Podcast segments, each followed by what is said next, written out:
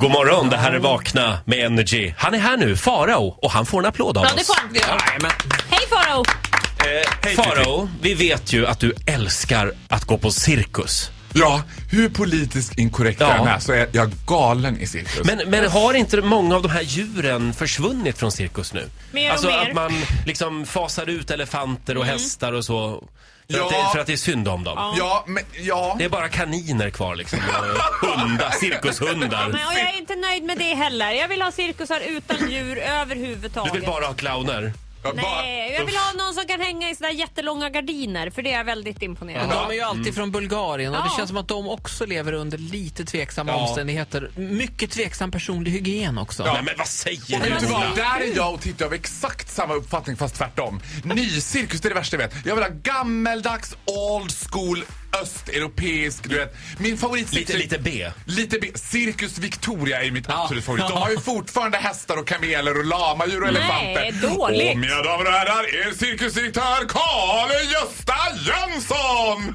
Du vet den, och man känner att han är blindgalen, Jönsson. när han Men du, du gillar Axels tivoli också va? Man skruvar, Ja, ja. skruvar ihop en berg och dalbana på 10 minuter. Och, Ja, ja, och sen flyger det skut. Men jag var ju på, jag går ju på Cirkus varje år och förra året så var jag med Cissi Fors, min tillika bästa vän och skådespelerskan, på Cirkus Victoria. Och du vet den här doften som slår emot en. Det doftar östeuropeisk clown, det doftar sågspån, det doftar elefantspillning, det doftar popcorn. I'm loving it! Och då satt vi, då fanns det bara stolar allra längst fram. Så vi sitter allra längst fram jag och Cissi. Och det första jag tänker på då, när de gör sån här trapetskonst, eller då, då var det till exempel en liten ung tjej som ska stå på sån här trampolin och så ska det vara två stora balter som ska hoppa på ena sidan och hon flyger upp liksom. Pow! Två stora balter alltså. Ja, och då går de ju på så här eh, ordkommando. Så hon ställer sig ner, gör sig beredd och sen säger hon Hepp! Och så Hej. hoppar de. Ja. Och jag fick ju min tvångstanke att jag skulle, medan hon stod och knöt skorna bara Hepp! Jolanta flög som en projektil över hela Ålstensängen i Alvik. Och samma sak med djuren, de går också på djurkommandon och bara Hoppa! Och så byter de håll så här.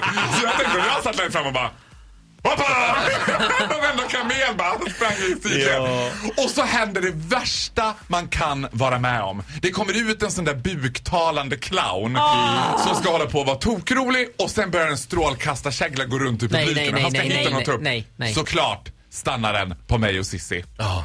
Och i, inte ett ont anande var ju den här liksom, östeuropeiska clownen om att jag och Cissi var inte helt okända för övriga cirkuspubliken. Så de trodde ju, men vad gud vad kul, och han från Energy och Ica Cindy har de tagit upp på scenen. så aldrig förut har jag känt att jag liksom har jobbat på cirkus. Så då fick jag och Cissi skulle stå där och buktala med den där östeuropeiska clownen. Det är ju en mardröm. Finns, och jag då tänkte jag för mig själv så här, finns det någon som går på cirkus och tänker så här Hoppas jag blir upptagen på scen. Ja, nej. Hoppas de tar mig. Det känns som att alla tänker nej gud vilken mardröm. Nu kommer ett sånt här traumatiskt Cirkus Scott-minne tillbaka till mig. Va? Jag var barn och vi var på Cirkus Scott i Gävle och min syster var med. Hon är några år äldre än jag då. Ja. Och hon stannar kvar på cirkusen med två cirkusarbetare. Och min mamma får panik där. Nej men Ingla, Ingla du kan inte stanna här med dem eller? Jo, jo mamma, jag stannar här. Och sen dess har du inte sett Ingela. Den sista gången du såg Ingela. Ja, Hon kom hem dagen, dagen efter kom hon hem. Åh fy fan, det är bara Gävle det kan hända. Jag har bara jobbat med trapets. Det- Det sista de där arbetarna sa till det var, får jag be dig om största möjliga tystnad.